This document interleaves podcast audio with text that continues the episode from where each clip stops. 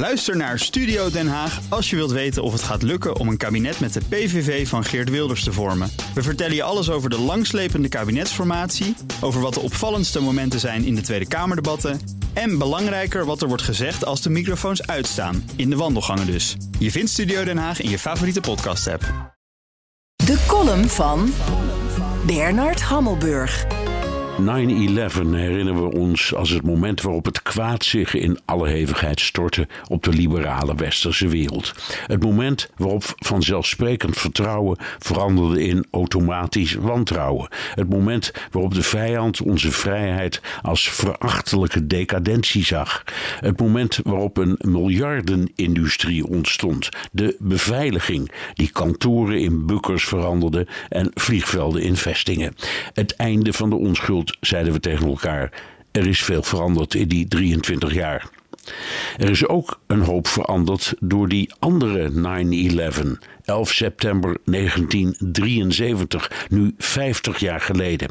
Toen de democratisch gekozen socialistische president van Chili, Salvador Allende, door de krijgsmacht werd afgezet, zelfmoord pleegde en werd opgevolgd door generaal Augusto Pinochet, die al spoedig het parlement en bijna alle instituties buiten werking stelde en 17 jaar een schrikregime voerde. 3200 mensen verdwenen of werden vermoord, net zoveel als op die andere 9-11. 40.000 burgers werden politieke gevangenen die meedogenloos werden gemarteld. In tegenstelling tot die andere 9-11 was Amerika geen slachtoffer, maar medeplichtig. In 1961 had president Kennedy de Alliantie voor Vooruitgang opgezet, een organisatie die de verspreiding van het socialisme door Latijns-Amerika bestreed. Chili kreeg onder Allende's voorganger Frei enorm veel steun. Anti-Allende media kregen subsidie van de CIA. Met de keuze van Allende zagen Richard Nixon, inmiddels president, en zijn rechterhand Henry Kissinger twee gevaren: een marxistische dreiging voor het hele continent en de onteigening van lucratieve kopermijnen en een telecombedrijf alle Amerikaans bezit.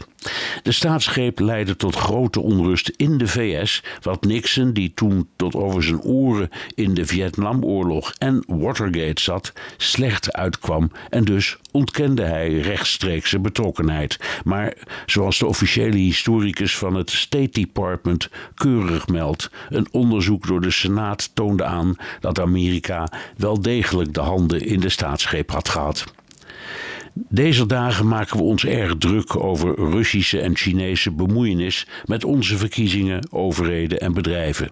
De Amerikanen deden het in de jaren 60 en 70 nog niet via cyber, dus het middel verschilde, maar verder leek het erg op elkaar. Het is ook maar hoe je er naar kijkt. De huidige rechtse oppositie in Chili verzet zich tegen officiële herdenkingen. Vooringenomen en links noemen ze het. Pinochet overleed in 2006 op 91-jarige leeftijd. Hij heeft nooit voor de rechter gestaan.